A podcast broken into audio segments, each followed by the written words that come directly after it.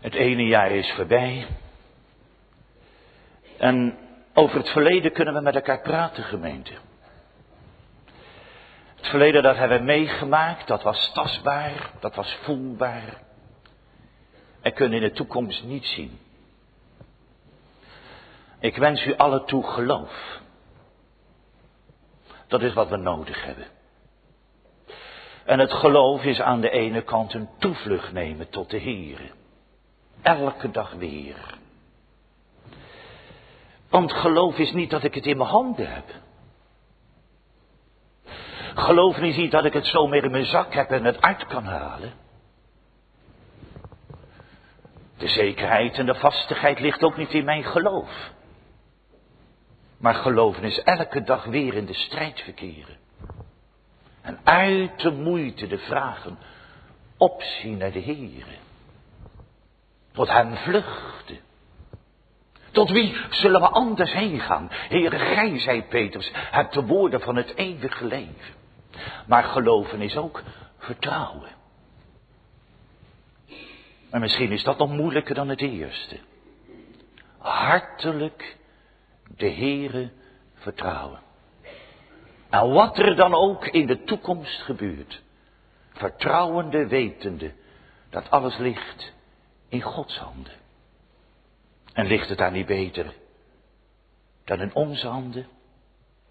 U weet, in de politiek is men ontzaglijk druk in de weer. Ja, er is geen veiligheid, de burger die is onzeker, hoe gaat het allemaal? We worden bezig gehouden met dat hele zorgstelsel. We vergeten dat vanmorgen. Want dat is de onzekerheid van de wereld. Een wereld die niet met God rekent. Maar als we samen vanmorgen mogen zijn in Gods huis, gemeente, weet dat God er is. En dat alles in zijn handen ligt. En het zal beslist uit zijn handen niet afgenomen worden. Daar ligt het veilig. Wat de toekomst brengen mogen. Mij geleid. Des Heere hand. Dat is die doorboorde hand. Door wie de nagels geslagen zijn van Gods toeren. En van mijn zonde. Dat is die vaderlijke hand waarvan de Heer zegt. Waarvan de psalmdichter zingt. Milde handen, vriendelijke ogen. Zijn we u van eeuwigheid. Vanuit Gods woord wens ik u Gods genade. Zijn nabijheid. Dat mag leven uit de genade Gods in Christus. We hebben elkaar toegewenst zo in het onderling elkaar de hand geven, de beste wensen. Dat is zo'n staande uitdrukking. Wij bezigen dat. De beste wensen. We kijken elkaar zo aan. Velen hebben zorgen. Hoe gaat het met mijn lichaam? Hoe zal het gaan met die ziekte? In mijn gezin, op mijn werk, in mijn studie en noem maar op. De beste wensen. Dat is een schuilplaats te hebben bij de Allerhoogste. Want wie in de schuilplaats van de Allerhoogste is gezeten, dat geeft rust. Hoe het ook gaat. Dan mogen buiten de stormen waaien.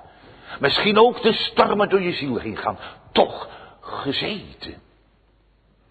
In de schuilplaats van de Allerhoogste. Hij zal vernachten.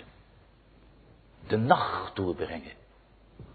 Gemeente, het gaat door de nacht van de moeite en de strijd.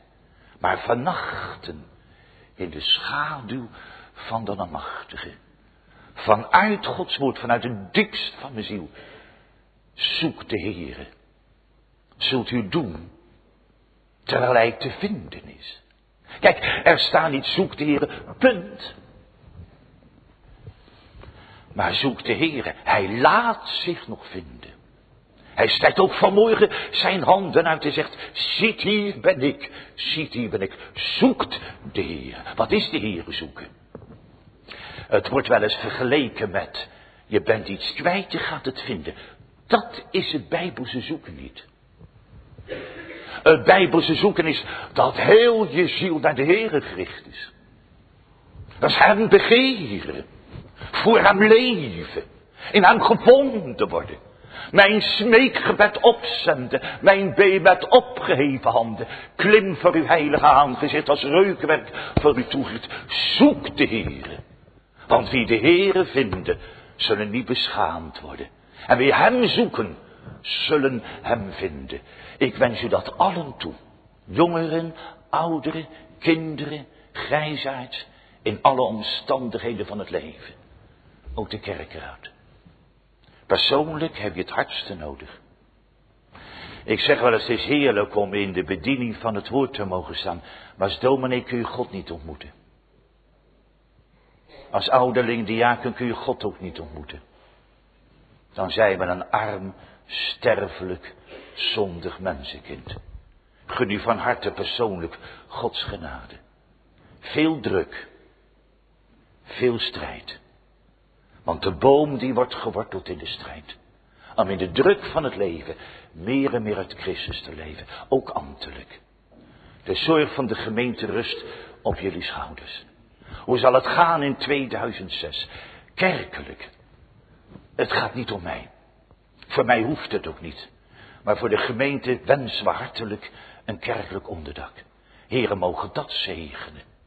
Omdat wat het gemeentelijke leven betreft, er toch een uitzicht mag zijn. Om kerkelijk met elkaar te leven. Dat de arbeid mag worden voortgezet. Maar laten we samen met elkaar zoeken het enige goede. Als dominee kom je veel op een begraafplaats. En een man die je dan altijd ontmoet is een grafdelver. Soms probeer je wel eens even zo'n grafdelver te benaderen. Misschien is een gelegenheid om een praatje te maken. Het is voor u zeker wel moeilijk om gelovig te blijven, vraag ik wel eens. Of voor u is het zeker moeilijk om gelovig te worden. U hoort zo ontzaglijk veel. Ach, dominee, we horen zoveel, soms weet je het niet meer. Maar te midden van alle verwarde geluiden, kerk eruit. Zoek alleen Christus. En laat het goede voor de gemeente zoeken. Omdat ze in Christus begrepen mag zijn. Want wie in Christus is, is een nieuw schepsel. Persoonlijk, met uw gezin en in het ambtelijke werk. Ik wens u dat allen toe, onze koster en degenen die hem helpen. Onze organisten en alle organisten. Allen die enige arbeid in de gemeente verrichten. Onze jeugdvereniging met catechizanten. Ieder heeft zo zijn plekje in het koninkrijk gods. Ieder heeft zo zijn plaats in de eredienst. Ik daag u allen tezamen op aan die eeuwige God. Die eeuwige God. Zij u alle een woning. En staat er zo schitterend van onderen. Lager kan God niet dalen. In Christus is hij zo laag afgedaald van onderen. En zo door hem gedragen, die eeuwige armen. God zij u allen nabij. Uw gunst, heren. Sterk meer dan de uitgezochtste spijze. Laat met het licht haar licht voor ons verrijzen. Zo zal ons hart op liefelijke wijze uw goedheid al ons overig leven prijzen. Nog één vraag. Dan gaan we zingen. Ligt uw toekomst vast? Want het beste komt nog. Straks komt hij terug. Kom, Heer Jezus. Ja, kom haastiglijk. We lezen Titus, het tweede hoofdstuk. Doch gij spreekt hetgeen de gezonde leer betaamt. Dat de oude mannen nuchter zijn, stemmig, voorzichtig, gezond in het geloof, in de liefde, in de leidzaamheid. De oude vrouwen insgelijks dat ze in haar dracht zijn gelijk de heilige betaamt. Dat ze geen lasteraarsters zijn, zich niet tot veel wijn begevende, maar leraressen zijn van het goede. Omdat zij de jonge vrouwen leren voorzichtig te zijn, haar mannen lief te hebben, haar kinderen lief te hebben. Matig te zijn, kuis te zijn, het huis te bewaren, goed te zijn, haar eigen mannen onderdanig te zijn, omdat het woord Gods niet gelasterd worden. Vermaan de jonge mannen insgelijks dat ze matig zijn. Betoon uzelf in alles een voorbeeld van goede werken. Betoon in de leer onvervalstheid, deftigheid, oprechtheid. Het woord gezond en onverwerpelijk. Omdat degene die daartegen is beschaamd worden en iets kwaads hebben van uw lieden te zeggen. Vermaan de dienstknechten dat ze hun eigen heren onderdanig zijn. Dat ze in alles wel behagelijk zijn, niet tegensprekende. Niet onttrekkende, maar alle goede trouw bewijzende, omdat ze de leer van God onze zaligmaker in alles mogen versieren. Want de zaligmakende genade Gods is verschenen aan alle mensen. En onderwijst ons dat wij de goddeloosheid en de wereldse begeerlijkheden verzakende matig en rechtvaardig en godzalig leven zouden in deze tegenwoordige wereld. Verwachtende de zalige hoop en verschijning der heerlijkheid van de grote God en onze zaligmaker Jezus Christus die zichzelf voor ons gegeven heeft, opdat hij ons zou verlossen van alle ongerechtigheid, in zichzelf een eigen volk zou reinigen, ijverig in goede werken. Spreek dit en vermaan en bestraf met alle ernst, dat niemand u verachte. Wat wij vanmorgen gaan overdenken zijn de versen 11 tot en met 14 uit Titus 2. We gaan nadenken vanmorgen over Gods genade op nieuwjaar. Gods genade op nieuwjaar. Drie gedachten. Die genade is zaligmakend. In de tweede plaats is die genade opvoedend. En ten derde die genade geeft verwachting. Dus Gods genade op het nieuwe jaar. Die genade is zaligmakend die is opvoedend en die geeft verwachting. In de oude kerk was het vaste gewoonte, hoorde bij de lezing uit de brieven, dat op kerstdag ook dit stukje uit Titus 2 werd gelezen. En in die zaligmakende genade verschenen, die heilbrengend is, zag men de gave van Gods Zoon neergelegd in de kribbe in Bethlehem. Terecht, volkomen terecht. We weten eigenlijk gemeente weinig van Titus af. Als u boekhandelingen leest, komt u de naam daar eigenlijk niet tegen. Wel meerdere malen in de brieven. Hij was een vaste medewerker van Paulus.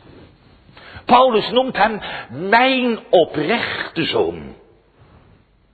Mijn oprechte zoon. Naar het gemene geloof. Die verhouding dus tussen Paulus en Titus is als vader tot zoon. Die dus was een heiden voorheen is tot het geloof gekomen. En ongetwijfeld zal Paulus daar het grote middel voor geweest zijn. Hij was zijn geestelijke vader en Titus de geestelijke zoon van Paulus. Tegelijk waren ze broeders. Samen deel aan het ene geloof. Aan het ene evangelie. Samen mogen ze ook werkzaam zijn in het ene evangelie. Want ontmoette Titus op het eiland Kreta. Paulus heeft heel veel reizen gemaakt. Die man heeft wat afgesjouwd over de wereld heen. Hij was in Efes, u weet, er is hij veel jaren geweest. Maar tijdens zijn verblijf in Efes heeft hij heel wat reizen gemaakt. Ik heb u wel eens verteld van die grote reizen die hij maakte naar Macedonië, omdat hij hevig bezorgd was over Korinthe. Weet u het nog? En hij had Titus vooruitgezonden. En hij was eigenlijk verlangend om Titus te zien. Hoe gaat het in Korinthe? En toen heeft hij Titus ontmoet. U weet het. Wel nu, tijdens datzelfde verblijf in Efeze heeft ook een reisje gemaakt naar Kreta. Hij is het hele heiland afgereisd, overal gemeentes gesticht.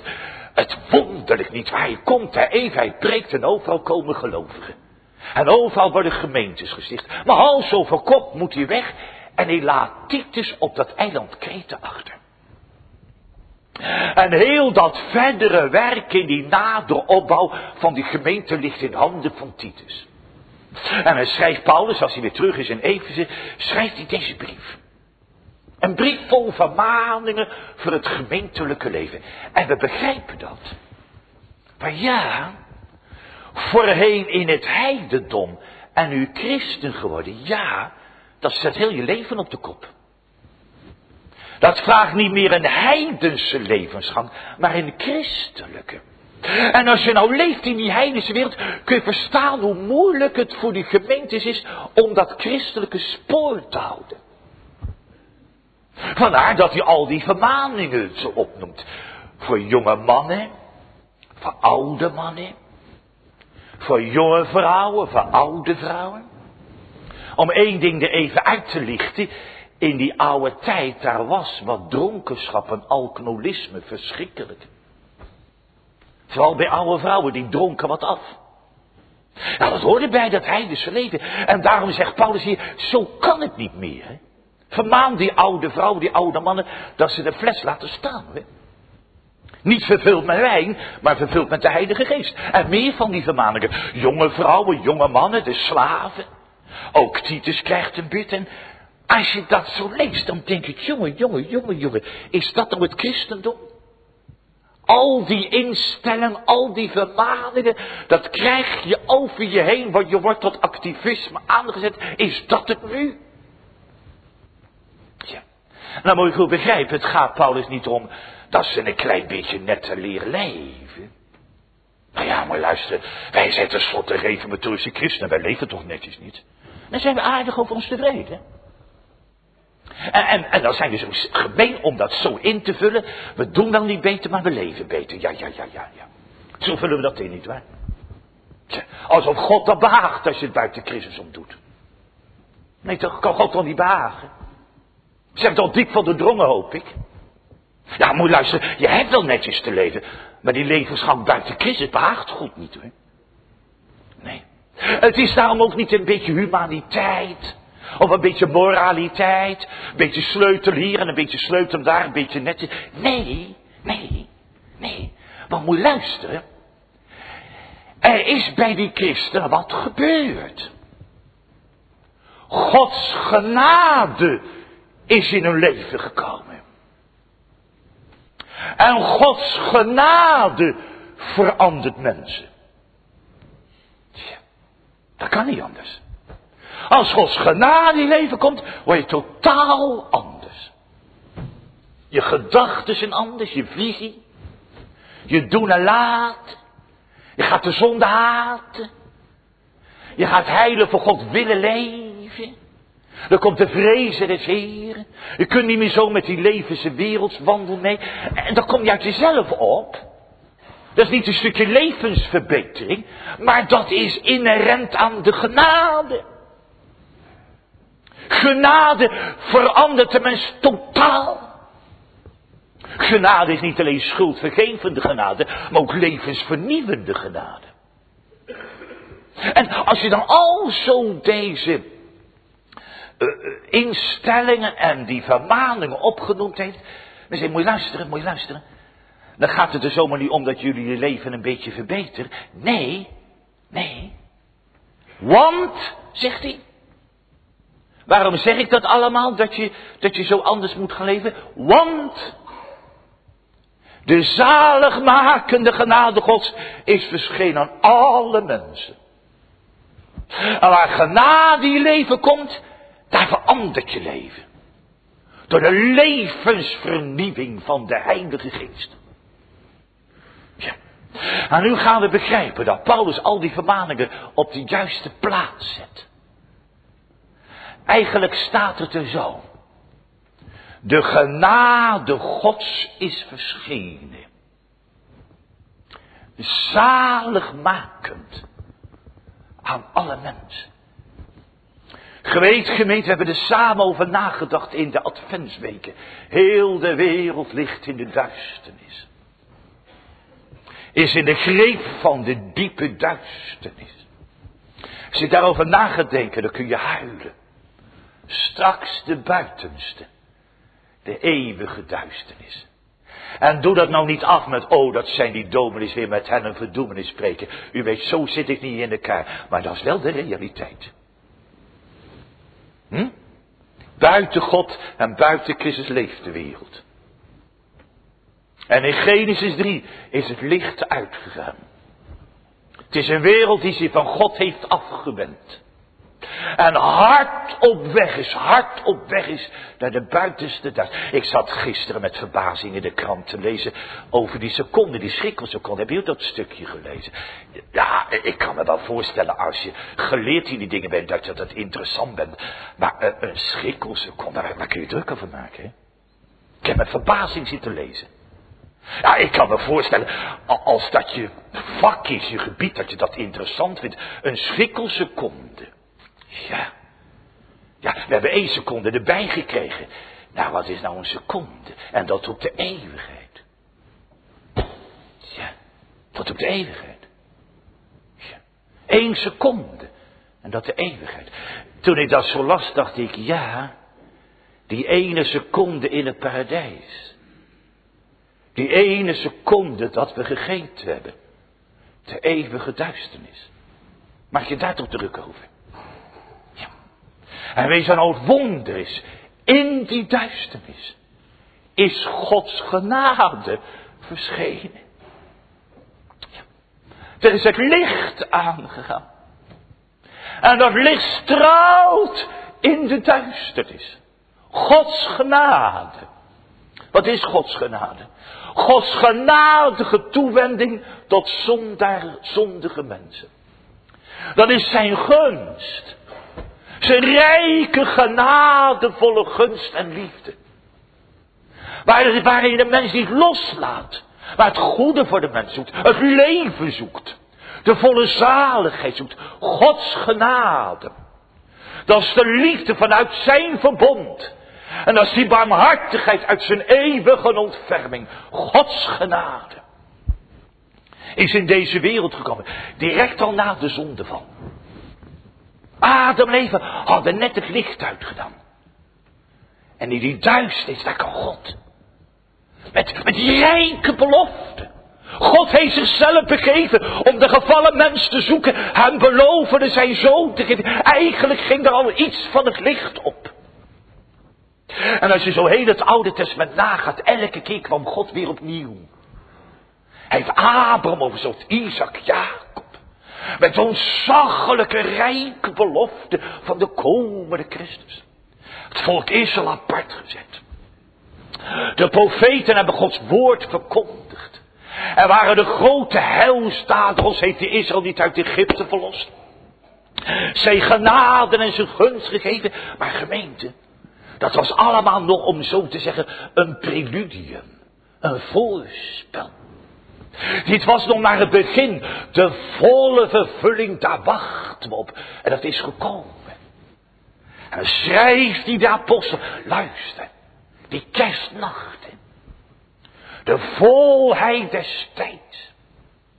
Een dat God zijn eigen zoon gaf. Het woord is vlees geworden. Wat betekent dat? De genade Gods is verschenen. En verschenen betekent, daar is het licht opgegaan in de duisternis. In al zijn heerlijkheid en goddelijke glans. Kijk, dat is het wonder. Dat is het wonder van kerst.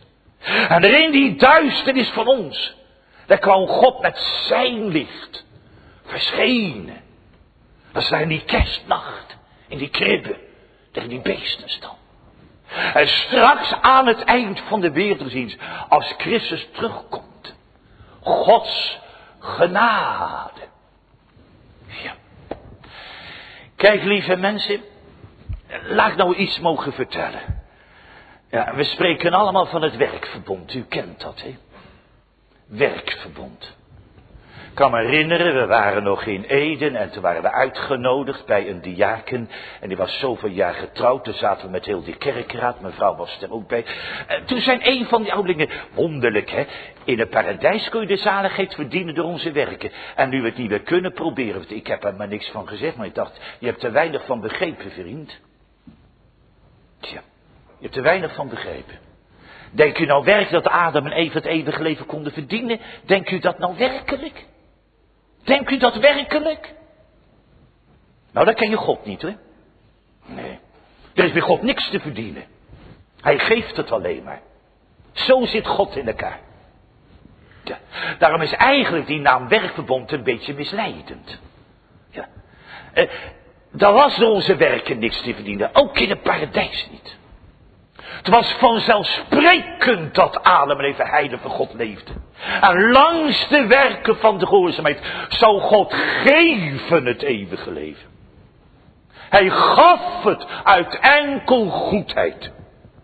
moet je nooit vergeten. Was ook in het paradijs niks te verdienen hoor. God gaf het, hij wilde het geven. Als Adam leven maar gehoorzaam bleven. Ja. En we hebben die hand van God weggeduwd. Nee, we hoeven niks van u. Geef ons de dood maar. Geef ons de zonde maar. Genesis drie. Een gemeente diezelfde God. Die nou voor de zondeval. Het eeuwige leefde wilde geven. Diezelfde God zegt, ik blijf dezelfde. Ik wil het eeuwige leven geven. Maar nu uit mijn genade. Mijn genade in Christus. Ja, eigenlijk zou ik het zo willen zeggen. Christus is loutere genade. Christus is de grote genade gifte Gods. Dat is die vader die zijn hart opent en in zuiver gunst, onverdiende goedheid, onverdiende genade zich heen naar een mensenkind. Dat is Gods genade. Ja. Daar hangt wel een prijskaartje aan, dat is waar. Welke prijs hangt eraan? Het bloed van Christus. Daar gisteravond over geprikt. Want God moet verzoend worden. En de zondaar moet verzoend worden. Dat heeft Christus gedaan. God was in Christus. De wereld met zichzelf verzoenende. En nu ter wille van die borg, ter wille van de gekruiste Christus. Gods genade. En dan kun je begrijpen, in die kerstnacht, daar ging dat licht van die genade op. Ja, daar straalde in de duisternis Gods heerlijkheid. Daar kwam de Heer weer in deze wereld, in de gave van zijn Zoon. En straks aan het eind van de wereldgeschiedenis, als Christus terugkomt, dan straalt dat volle licht en is de nacht voor eeuwig voorbij. En zullen eeuwig in het licht van Gods nabijheid mogen verkeren. Gods genade is verschenen. Dominee, wat moet ik er doen om daar deel aan te krijgen? Niks, want het is onverdiend. U krijgt het uit loutere goedheid, uit pure genade. Ja. Dat is wonder. Gods genade. Verschenen. En hoe is die genade? Daar staat zaligmakend. Ja. We begrijpen bij Gods genade gaat het over het werk dat God in de wereld verricht om het heil te openbaren. Al het werk des Heren in Christus. Van de kribbe tot het kruis. Alles wat God in Christus gedaan heeft, dat is zijn genade. Het werk van zijn heil. Het handelen zijn liefde. De grote werken Gods. Ja, en die genade, dat heil van God is verschenen. Hoe zaligmakend.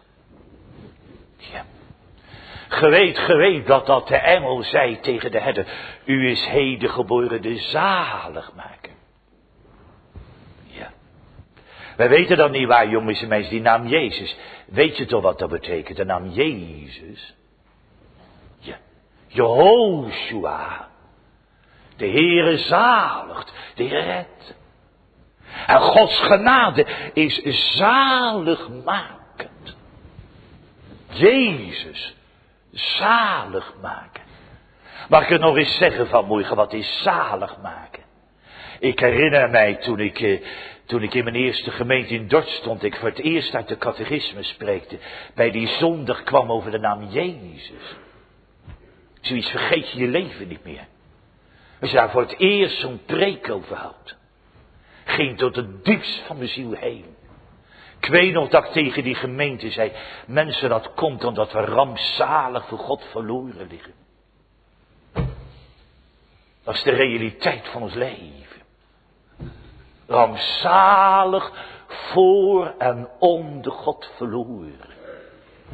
Er is geen hoop en verwachting. En Gods genade opgelicht verscheen als het grote licht zaligmakend. Dat wil zeggen dat ik uit die rampzaligheid kan worden opgetild. Van die rampzaligheid verlost en zalig gemaakt.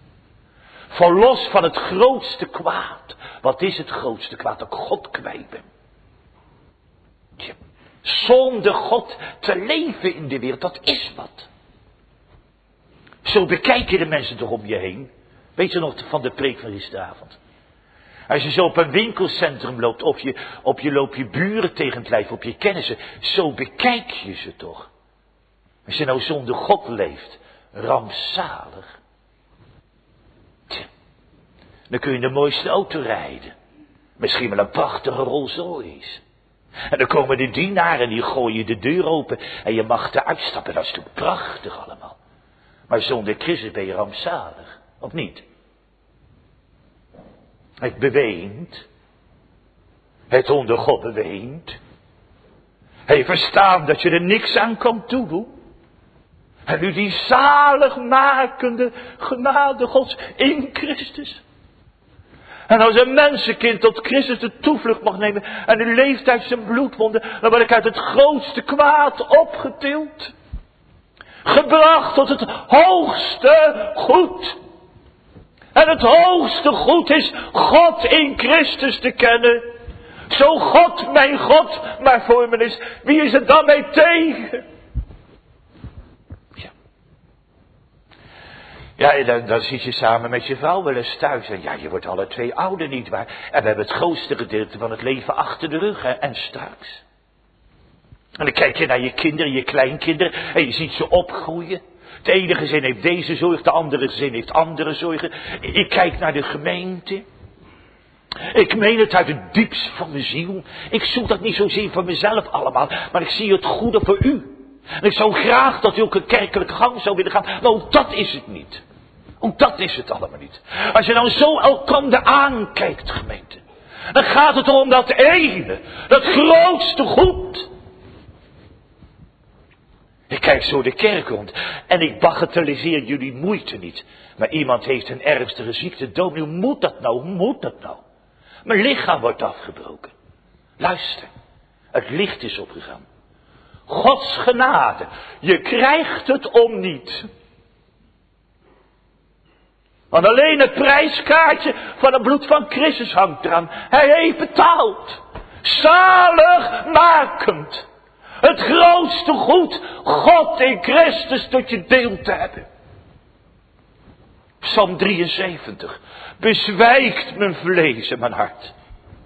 Zo is God de rotsteen mijn hart. En mijn deel in eeuwigheid. Maar dominee, is het voor mij luister. Want Gods genade is verschenen. Zaligmakend. Het maakt je zalig. Vol van God.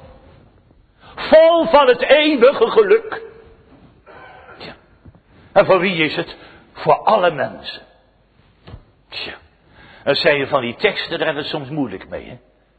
Ja, eigenlijk geloven we dat niet, hè? Eigenlijk geloof je dat niet, hè? Wij hadden veel liever gehad dat hij zou staan voor alle uitverkorenen. Dan hadden we het ons een beetje rustiger gehad van binnen, ja toch? Dat zou de mens veel liever hebben. Tja, maar voor alle mensen staat het toch maar. Nou, dat betekent niet dat elk mens zalig wordt. Ja, was dat maar zo. Ik zou het het diepst van mijn ziel wensen. Maar zo is het niet. Dat is bezijde de realiteit. Tja, niet iedereen wordt zalig. We leren geen alverzoening. Alverzoening is dat iedereen zalig wordt. Nee, gemeente, zo gaat het niet. Maar alle mensen kunnen wel zalig worden. Als je staat alle mensen, dat betekent dat de prediking van het heil tot iedereen komt. Niemand uitgezonderd. Je mag ook zelfs zeggen, allerlei mensen. Rijken of armen, maakt niet uit. Geleerd of eenvoudig. Zwart of blank, jong of oud. Allerlei. God werd dwars door alle standen en alle volken heen. Maar de boodschap komt wel tot iedereen. En als je nou straks voor Gods rechterstoel komt. En we zijn aan die zaligmakende genade Gods voorbij gegaan. Gods genade. Zaligmakend. Gemeen, je hoeft niks mee te brengen. Je hoeft niks te verdienen. Alleen je schuld meenemen. Je verloren bestaan. Al die scherven, al die ellende die ik teweeg gebracht heb. Kom maar. Om nou genade te vinden in de bloed van Christus. Om niet. Dan gaat Gods gunst open. Zijn vader. Terwille van het bloed van Christus. En daar vind je schuldvergevende genade. Dat wens ik u voor 2006. Die, die zaligmakende genade is dus zaligmakend, maar in de tweede plaats ook opvoedend. Hier wordt het woord gebruikt onderwijzend. Je kunt ook zeggen opvoedend. God gaat ons opvoeden. Ja. We moeten opgevoed worden. God neemt ons bij de hand. En al opvoedend worden wij veranderd om niet naar de vlees te wandelen, maar naar de geest te wandelen. Opgevoed om als kinderen Gods heilig voor de Heer te leven in deze zondige wereld. Genade verandert mensen opvoedend. Ja. Ja, kinderen opvoeden van niet mee, hè. Voor een vak kun je leren. Maar je vader en moeder hebt helemaal geen pedagogische opleiding. Je bent geen dokter of, of doctorandus in de psychologie of pedagogie. En toch moet je kinderen opvoeden. Kan niet mee altijd, hè? Ja. Nou zijn er wel gelukkig allerlei handboeken voor opvoedkunde. Weet je hoe ze dat noemen? Een handboek voor opvoedkunde is een vademeken. Zo noem je dat. Nou, er zijn er genoeg in de winkel te kopen. Een vademeken. Een opvoedkundig boek. Ja. Weet je wat die naam betekent? Vademeken, daar gaat het niet om. Dat is Latijn, dat betekent ga met mij. Kijk, dat is toch het allerbeste in de opvoeding. Hoef je helemaal niet voor geleerd te hebben hoor. Maar je zelf iets uit mag stralen van Gods genade. En geoefend in het leven. En dan mag je je kind bij de hand nemen. En zeg, kom kind, ga met mij. Kom, ga met ons en doe wat wij. Kijk, zo is nou God in het leven. Als je kindje verdwaalt. Je weet niet hoe je heilig van mij moet leven. Je bent toch een zondaar. Maar ga met mij. Ik neem je bij de hand. Ik ga je opvoeden. Tot levensvernieuwing. Kun je nou begrijpen waarom de storm wel eens door je leven gaat? Hm? Dat je misschien een hele poos werkeloos aan de kant van de weg zit. Kun je nou begrijpen waarom er soms rouw in je gezin komt? Hm? Of dat een ernstige ziekte zich aandient? Niet dat we het elkaar gunnen. Maar begrijp vanavond, vanmorgen, dat daar toch op een of andere manier Gods liefde achter zit. Verklaren kan ik het ook niet. Maar dwars door alle tuchtigingen heen is daar de opvoedende liefde Gods. Hij wil je opvoeden. Als je aan een kind alles maar toegeeft, dan wordt het een draak van een kind.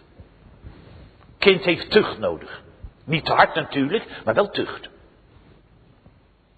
Het is geen liefde tot je kind als je alles maar toegeeft. Een iegelijke zoon die je lief hebt, die kastijdt en tuchtigt je. Zo doet God ook, hij tuchtigt ons wel eens. Hij straft ons wel eens. Met een zware hand. En dan komen er waarom, waarom luister. Waarom nou die moeite rondom je heen en in je eigen. God voedt je op. Tot levensvernieuwing en levensheiliging. Om meer naar Christus toe te gaan. En waar voedt God ons toe op? Dat wij de goddeloosheid en de wereldse begeerlijkheden verzakende, matig, rechtvaardig en godzalig leven zouden in deze, deze tegenwoordige wereld. We leven nog in deze zondige wereld, ook in 2006. Er zal wat dat betreft niet veel veranderen. Het neemt eerder toe, de goddeloosheid. En dan gaan we het jaardrempel over in deze tegenwoordige wereld, in deze zondige wereld. En dan voedt God ons op uit zijn genade in de levensvernieuwing. Aan de ene kant verlogenend. Om de goddeloosheid en de wereldse begeerlijkheden te verzaken. Zo staat het toch ook in het doopformulier. De wereld verzaken. De oude natuur doden. In een nieuw godzalig leven te wandelen. Daar voedt genade toe op. Afsterven van de oude mens. Opstanding van de nieuwe mens. Hier worden twee zaken genoemd. Goddeloosheid en wereldse begeerlijkheden. Zo leeft men in de wereld. En dan hoef je bij goddeloosheid niet direct aan uitspattende zonde te denken. Maar goddeloosheid is dat de wereld zonder God leeft en met God niet rekent. Dat is goddeloosheid. Dus de vrezen des Heren niet. Men is in de wereld op zichzelf gericht. Je ziet dat in het verkeer. Dat is zo agressief. Iedereen denkt aan zijn eigen autootje en zijn eigen hachie. En men denkt niet meer aan ander. Dat is nou goddeloosheid. Op jezelf gericht. Helemaal niet aan God te denken. Dat is de wereld, die heeft God eruit gezet. Dat is goddeloosheid. Geen vrezen God. En dan leiden door, hoe staat het hè? Wereldse begeerlijkheden. Wat begeert de wereld? Nou rijkdom, macht. Aan je eigen hartstochten toegeeft. Kleef toch maar eens. Dat zijn toch de wereldse begeerlijkheden. Hebben wij dat ook op ons verlanglijstje? Veel verdienen van het jaar, veel rijkdom, veel macht. Hier vooruit, daar vooruit. De wereld leeft toch bij de eigen begeerte, bij de eigen hartstochten. Als je heeft maar even kort. Pluk wat er te plukken valt. En weet je nou, Gods genade ons leert? Hieraan verlo, hieraan te sterven.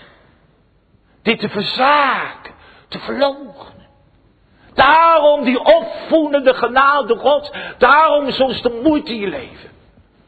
Sterven aan de goddeloosheid. Aan de wereldse begeerlijkheden. Dat als ware je gezicht niet naar de wereld is gekeerd. En wat leert de Heer ons? Matig, rechtvaardig en godzalig te leven. Zie? Gemeente, even denken aan de preek van gisteravond. Hier de heiligmaking op de juiste plaats. Eerst Gods genade, zaligmakend. Eerst zijn vergevende liefde.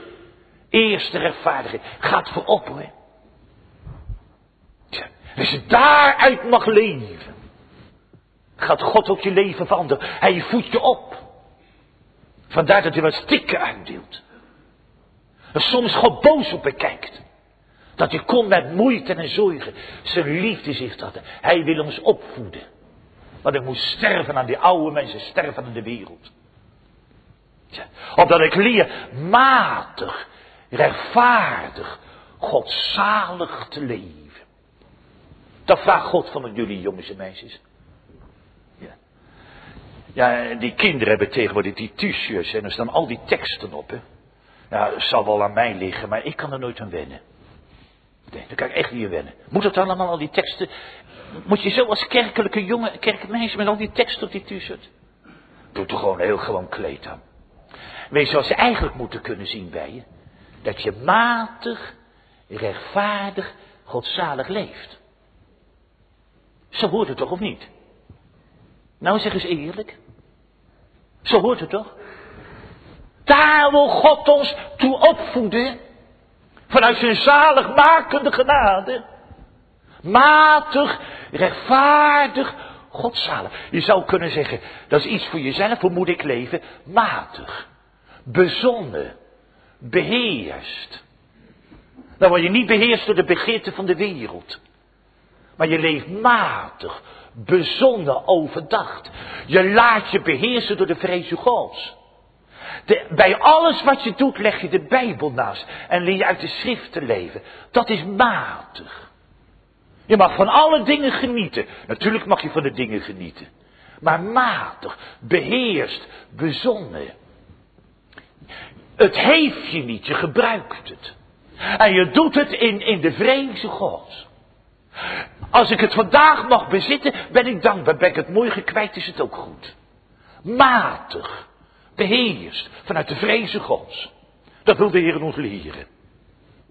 Rechtvaardig, dat betekent, hoe ga ik met mijn naast om vanuit Gods heilige wet? God liefhebben boven ons, de naast als onszelf, rechtvaardig, eerlijk, oprecht. Denk maar aan de geboden, niet stelen, geen vals getuigen, niet echt breken. Rechtvaardig, dat spoor van de vreze God trekken in omgang met de kanten. En dan vooral godzalig, mijn ziel naar de Heere gericht in de vreze Gods. Hem zoekende, meer en meer in de vaderlijke liefde begreep. Kijk, genade wil ons opvoeden in die weg ter heiligmaking. En voor ik naar de laatste gedachte ga. Als je nou op de jaardrempel van 2006 zegt, ja maar dominee, die gezondheid van mij. Ja maar die zorgen in het gezin. Die lasten waar ik niet meer tegen kan. Die doorn in mijn vlees. Al die vragen. Gemeente, als het uit Gods genade is, wil hij je opvoeden. Ja. Eerst die zaligmakende genade zoeken. Geborgen in het bloed van Christus. In zijn vergevende liefde. God wil je opvoeden. Dat we meer en meer leven. Tot eer van hem. In de heiligheid des levens. Wereldverzaken matig, godzalig, rechtvaardig leven. Dat is meer uit Christus bediend en de vruchten van Christus te mogen voorbrengen in deze tegenwoordige wereld. Dan gaat er iets van je uit. Laat ik nog een voorbeeld noemen. Ik zat zo de krant te lezen, dat verhaal van die professor Kennedy, heb je misschien ook wel gelezen. Ja, zegt hij, die, die minister Blair, die heeft charisma. Vroeger had Clinton charisma. Daar gaat wat vanuit. Nou, u kent dat verhaal wel. Maar natuurlijk als je dat zo leest, dan denk je door. Gemeente. Iemand met charisma, daar gaat wat vanuit. Gaat er van u wat uit? Jongens en meisjes. Op die heilige leerschool. Dat God ons opvoedt. Dat afsterven van de wereld. Matig. Godzalig, rechtvaardig leven. Zo stil je weg, maar dan straalt de lied van Christus uit. Die opvoedkunde in de weg der heiligmaking, levend uit Gods genade. Mooi hè? En dan een derde. Dan mag je ook van tijd tot tijd de verrekijker aan je ogen zetten. Dan ben je vol verwachting. Dan zien we uit, dan zie je over alles heen. Wij weten, als het aardse huis van deze tabernakel gebroken wordt. We hebben een gebouw bij God eeuwig in de hemelen. Wij zien uit, hier beneden is het niet. Is terug een boek verschenen van een professor, moeite waard om te lezen. Hier beneden is het niet. Nee. We leven eerst uit Gods zaligmakende genade. In deze tegenwoordige wereld, God voedt je op. In die weg der bekering. Al meer en meer uit de heiligheid van Christus te leven. Matig, rechtvaardig. Godzalig. Maar dan ook staat er verwachtende. Ik ben somber over de wereld. Ik ben een beetje somber over het kerkelijk leven in het algemeen. Ik ben somber over mezelf. Maar ik ben niet somber over God. Dan spring ik 1 januari 2006 spring ik op van vreugde. Gemeente, ik heb verwachting. Geloofsverwachting. Omdat ik leef uit genade. Ik leef niet uit verdiensten van mezelf. Genade, pure genade. Laat ik nog eens mogen preken. Het is genade om genade te ontvangen. Het is alleen omdat God het wil. En omdat God het doet. Maar die genade voedt je op. Maar die is ook verwachtingsvol. Verwachtende.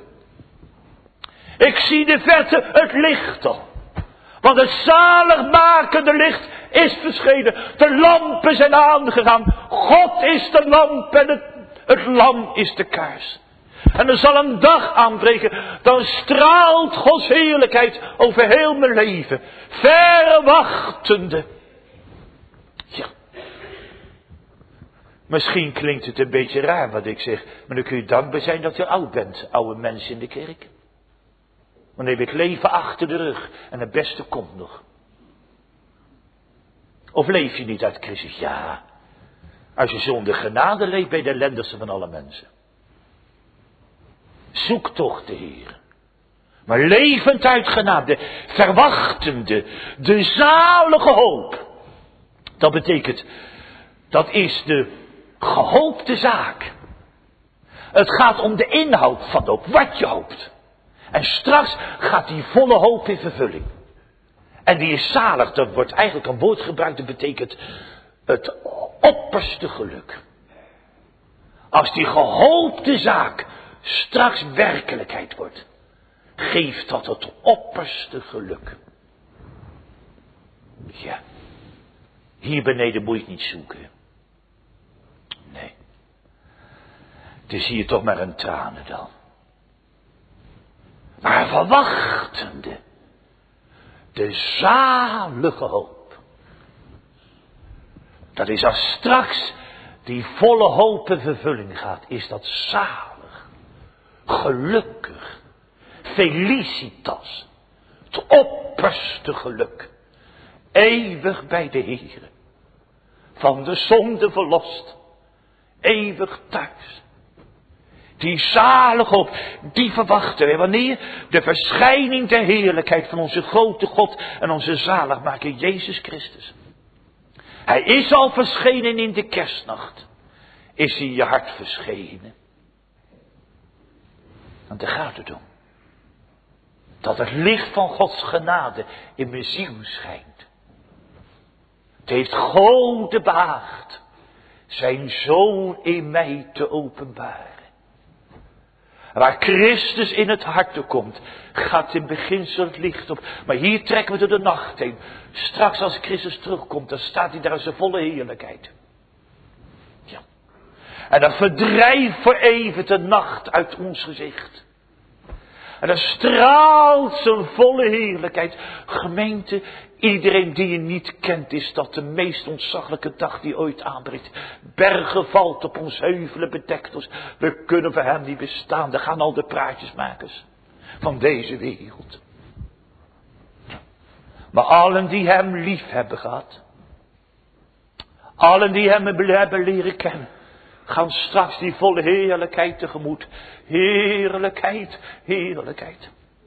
Het is als die jonge man die stierf aan een ernstige ziekte. Heel zijn lichaam was verlamd. En in het uur van het sterven, daar zaten zijn vader, zijn moeder en zijn broers en zijn zus. En hij stak zijn handen omhoog. Heerlijkheid. Dat komt. Verwachtende de zalige hoop. Als straks zal verschijnen de heerlijkheid van onze grote God en zaligmaker Jezus Christus. Ik neem dat in één in deze tekst. Die grote God is Jezus Christus. We hebben van gisteravond gehoord, Christus en de Vader zijn één. En die grote God zal daar komen als de schepper en de herschepper in al zijn heerlijkheid. En hij is de zaligmaker. Als je hem nou toch niet kent, gemeente. Als je hem nou toch niet kent. Hoe moet je die dag tegemoet gaan?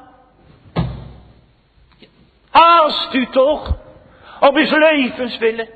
Want de zaligmakende genade is verschenen aan alle mensen. Iedereen kan zalig worden. Er is ruimte bij God genoeg. Ja. Want als je hem niet kent, is dat de meest schrikkelijke dag die je ooit kunt beleven. Ik moet er niet aan denken. De eeuwige duisternis. Eeuwig zonder God. Moet het daar dan heen? Door je onder de prediking verkeerd hebt? Jonge mensen, kom luisteren nou toch eens. Geloof die praatjes niet dat het stoffig is in de kerk. Geloof die praatjes niet dat de wereld je wat biedt. Want zo is het echt niet. De wereld biedt je niks. Hier, opperste vreugde. Ja, wij verwachten de zalige hoop. In de heerlijke verschijning van onze grote God en zaligmaker. Hij is mijn zaligmaker. Daar gaat het. Geloof leert mijne. En als je leeft uit die zaligmaker, dan zal hij zeggen, komt. En dan neemt hij je bij de hand en ik breng je op de nieuwe aarde, waar eeuwige zaligheid en heerlijkheid te verkrijgen is. Tja. Wie is die zaligmaker? Hij heeft zichzelf voor ons gegeven. Hij wil dat plaats bekledende. Hij is zelf in mijn plaats gaan staan. Hij is zichzelf voor mij gegeven. Onder mijn schuld en zonde. Opdat hij mij zou verlossen van alle ongerechtigheid. Verlossen betekent, hij heeft de losprijs betaald. De prijs die bij de Vader gangbaar is in zijn eigen bloed. En daarmee wij verlost van alle ongerechtigheid. Om zichzelf een volk te reinigen en te heiligen tot goede werken. En zo in het bloed van Christus maar ik zijn kind zijn, zijn volk. Hij voedt je op om heilig voor hem te leven. Dat is de zalige verwachting. Gemeente, dat gun ik je. Het is maar een enkel woord vanmorgen. Maar een tekst, hè. En die genade is er. Luister niet naar het praten het van jou kan het niet. Luister niet naar de influisteringen van de Satan, voor jou is het onmogelijk. Ik wijs op het woord. De genade is verschenen. Zalig makend. Of vind je het te goedkoop? Om je wapens in te leven. Je schuld om de God te beleiden. En alles van hem te verwachten. Zalig makend voor alle mensen. Boodschap komt tot iedereen. Niemand wordt uitgesloten. Haast u dan. En levend uit Gods genade krijg je vrede met je weg. Hoe moeilijk het ook is. Want God wil je opvoeden. Tot zijn volk. Een volk dat zijn eigendom is. Ijverig in goede werken. Om voor de Heer te leven. Je draagt het kleed van de wereld dan toch niet meer. Je draagt het kleed van die koning. Matig, rechtvaardig, godzalig. En dan kijken we over alles heen. Ouder in ons midden, laat dan je lichaam afgebroken worden. Laten de vensters naar de wereld dichtgaan. Misschien word je eenzaam. Jonge mensen, misschien zie je geen toekomst in de wereld. Maakt allemaal niet uit. Als je die Christus kent. Verwachtende dan zie ik over alles heen. Straks komt hij. Die grote dag. Waarin God zal zijn. Alles en en allen. Ik zag wel haast. Een grote schaar. Met klanken van de blijdste maar. Vervullen. Berg en velden. Nog één ding. Als je Christus niet kent ga je de meest ellendigste toekomst tegemoet. Ja, dat is niet te tekenen. Hij wordt je vanmorgen nog aangeboden. Aan het begin van het nieuwjaar. Haast u. De Heer bidt. Zie ik sta aan de deur. En ik klop. Doe mij open. Opdat het inkomt. En ik met u avond vieren. En gij met mij gemeente, kadressanten, jongens en meisjes, mijn vrouw, mijn gezin, allen die hier zijn. Dat gun ik u. Genade is er. Heere, trek mij. Zo zullen we u nawandelen. En is het leven moeilijk? Zie je geen uitzicht meer? Verwachtende. Ja, uitziende. Naar de zalige hoop en verschijning straks in de volle heerlijkheid. Kom, Heere Jezus. Ja, kom haastiglijk. Kijk, dan is een christen onafhankelijk van de omstandigheden. Gij maakt eerlang mij het levenspad bekend, waarvan indruk het vooruitzicht mij verheugde uw aangezicht in gunst tot mij gewend, dat is genade. Schijnt mij in het kort, verzadiging van vreugde. Als ik daar aankom, dan buig ik diep in het stof en dan zeg ik, heren, ik heb stof om eeuwig u te loven, want u hebt naar me omgekeken. Ik niet, maar u. Genade. Genade alleen. Amen.